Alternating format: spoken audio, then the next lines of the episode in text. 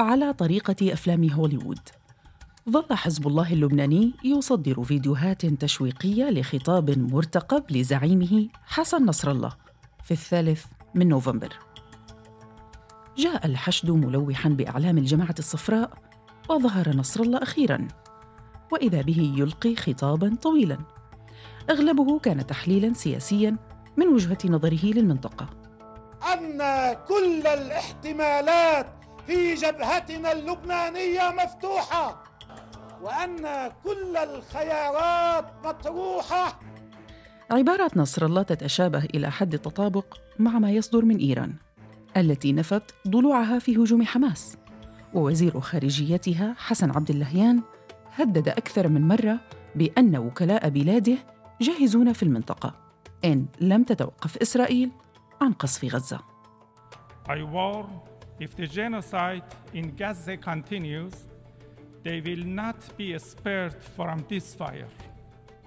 هذا التهديد قوبل بتحذيرات أمريكية لإيران من التدخل في الحرب.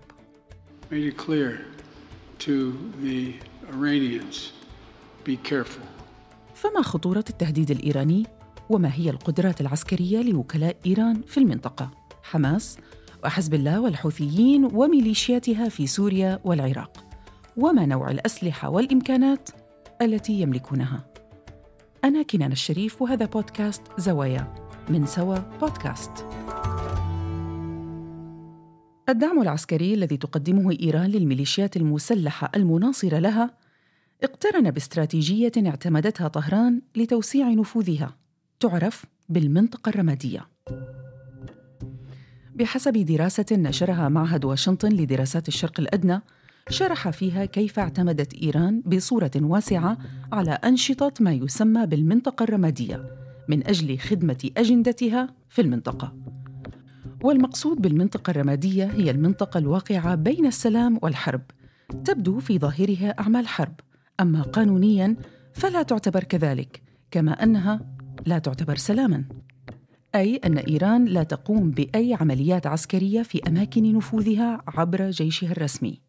بل عبر وكلائها خارج حدود بلادها. هدد وزير خارجية إيران حسين أمير عبد اللهيان بأنه إذا لم تتوقف الهجمات الإسرائيلية على قطاع غزة فستكون أيدي جميع الأطراف في المنطقة على الزناد بحسب وصفه.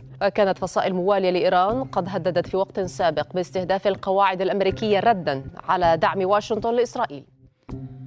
وهذا ما فعلته لسنوات عبر ميليشياتها في المنطقة. أبرز تلك الميليشيات حزب الله في لبنان وحركة حماس في غزة وجماعة أنصار الله الحوثي في اليمن وفيلق القدس وحركة النجباء وفصائل أخرى في العراق وفي سوريا الخبير العسكري ناجم لاعب من لبنان إلى أين تطورت القدرات العسكرية لوكلاء إيران في السنوات الأخيرة بداية من اليمن؟ طبعا اليمن لديه قدرات صاروخية وبتقنيات ومدربين آه، إيرانيين استطاع ان ينتج طائرات مسيرة وينتج كذلك صواريخ. آه، هذه القدرات آه، أعتقد أن إذا ما دخلت المعركة في في الدائرة في حاليا في غزة أعتقد أن ما حصل من إطلاق صواريخ من اليمن باتجاه إسرائيل تعاملت معه إحدى البوارج الأمريكية ولم تصل ولم يصل أي صاروخ إلى هدفه لذلك هذا الوضع يعني لن يشكل أي يعني قدرات تدخل المعركة الدائرة حاليا في إسرائيل. سيد ناجي لو تحدثنا عن حجم القوة العسكرية للحوثيين وتحديدا قوتها الصاروخية. يبدو ان أنه آه، أن صواريخه هي من آه، معدات آه، إيرانية ولكن تستحضر تلك المعدات ويجري بناء هذه الصواريخ بقدرات محلية يمنية والاشراف من الحرس الثوري ويبدو أن تقنيات كبيرة آه، وضعت في تلك الصواريخ بحيث أنها يعني تمكنت آه، من آه، القتال يعني على الجبهة مع المملكة العربية السعودية. وكانت تجتاز الأراضي السعودية وصولا إلى آه، ممكن أن تكون آه، هي من قامت بعمل الاعتداء على الأرامكو وهي من كذلك تجاوزت الدفاعات الجوية في الإمارات وقصفت آه، لمرات أحد الأماكن أعتقد مطارات يعني الحوثي لديه هذه القدرات بإشراف إيراني إذا ماذا عن الوكلاء في سوريا؟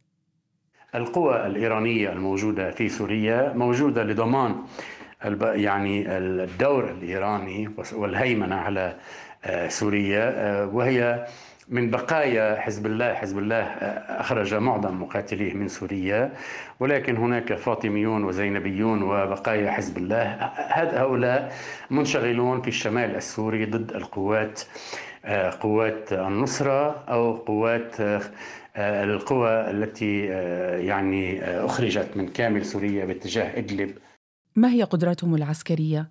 يعني هل هناك أي أسلحة نوعية تم تزويدهم فيها؟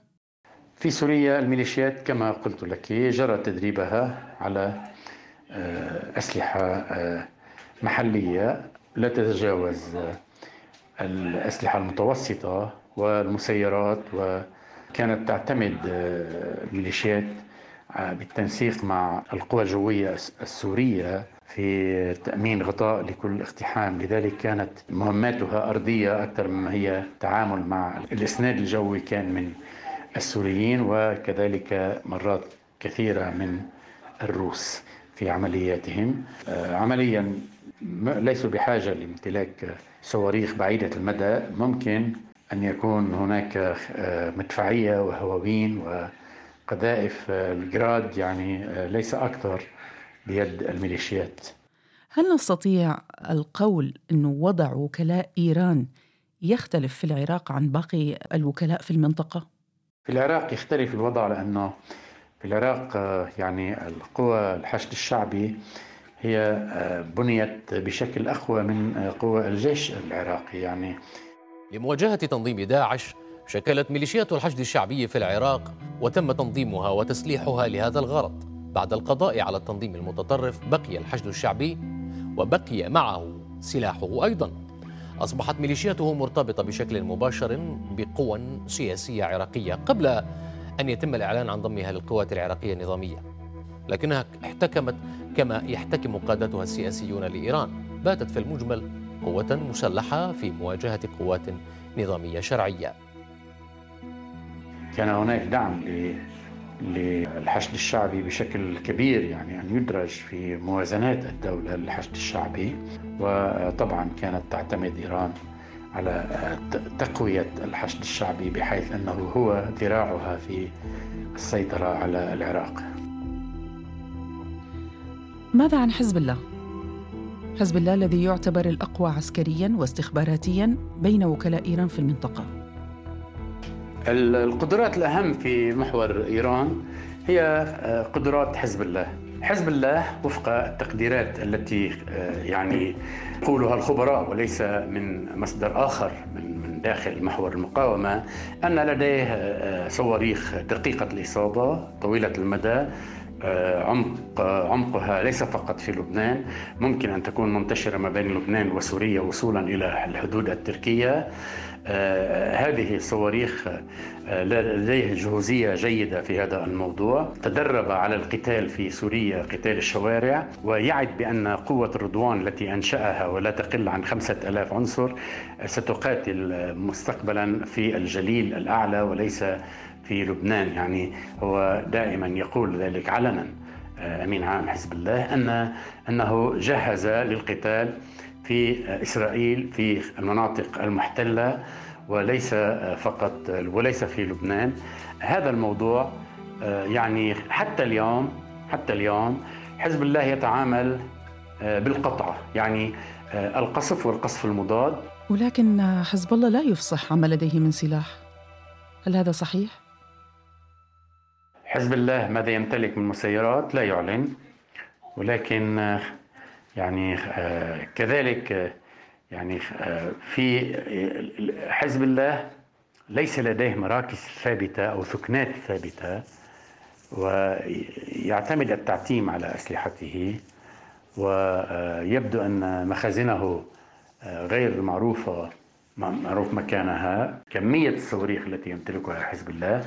هي فعلا سلاح نوعي وممكن أن يكون بالكثرة التي حكي عنها ولكن لا مصدر كم عدد تلك الصواريخ إلا الإعلام الغربي الذي دائما يقول هناك 35 ألف 75 ألف 150 ألف 100 ألف صاروخ لست أدري. بعد أسبوعين على الغارات الإسرائيلية العنيفة على قطاع غزة هدد وزير الخارجية الإيراني بأن كل الاحتمالات ستكون واردة إذا لم تتوقف العمليات العسكرية على القطاع تلك التهديدات تتكرر ولكن هل إيران تريد فعلا دخول هذه الحرب؟ هذه الحرب ستكون مكلفة لجميع الأطراف لا سيما بالنسبة لإيران التي تعاني من ضغوط اقتصادية فالحرب طبعا ينبغي أن يكون لها يعني رصيد أو تحتاج إلى أرصدة مالية ضخمة وإيران ليست في آه، وضع بحيث من الممكن أن تخصص جانبا من ميزانيتها لخوض مثل هذه الحرب التي ستكون مكلفة على اقتصادها الذي يعاني أساسا من ضغوط كبيرة. هذا المحلل السياسي من طهران أحمد مهدي. هل يتحرك وكلاء إيران عسكريا بضوء أخضر منها أم أن هناك استراتيجية معينة يتم تطبيقها في حالات معينة كالحروب والهجمات العسكرية؟ بطبيعة الحال من الممكن القول أن ثمة ضوء أخضر مشترك ما بين إيران وهذه المكونات وهو أنه في حالة آه، الاعتداء والتمادي من الطرف المقابل ينبغي اتخاذ خطوات ردعيه لسحب الطرف المقابل من الدخول في أو فتح جبهات جديدة. آه، وكذلك يمكن القول أنه ليس هناك ضوء أخضر باعتبار آه، أن القرار آه، يعني العام المتوفر لدى كل هذه المكونات هو واحد وليس هناك حاجة لإعطاء ضوء أخضر سواء من إيران أو غيرها وإنما هناك تفاعل ايجابا وسلبا مع التطورات والأحداث الجارية.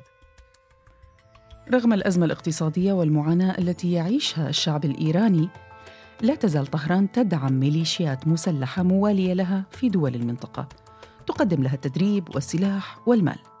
هذه الجماعات المسلحة وبحسب مراقبين هي مخلب إيران الذي تحاول به تخويف خصومها في المنطقة.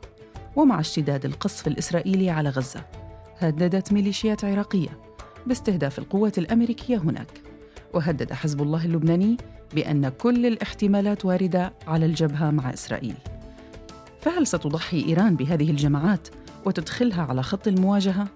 ما قد يعني رد إسرائيلي وربما دولي قد ينتهي بخسارة إيران هذه الفزاعة كان هذا بودكاست زوايا من سوا بودكاست.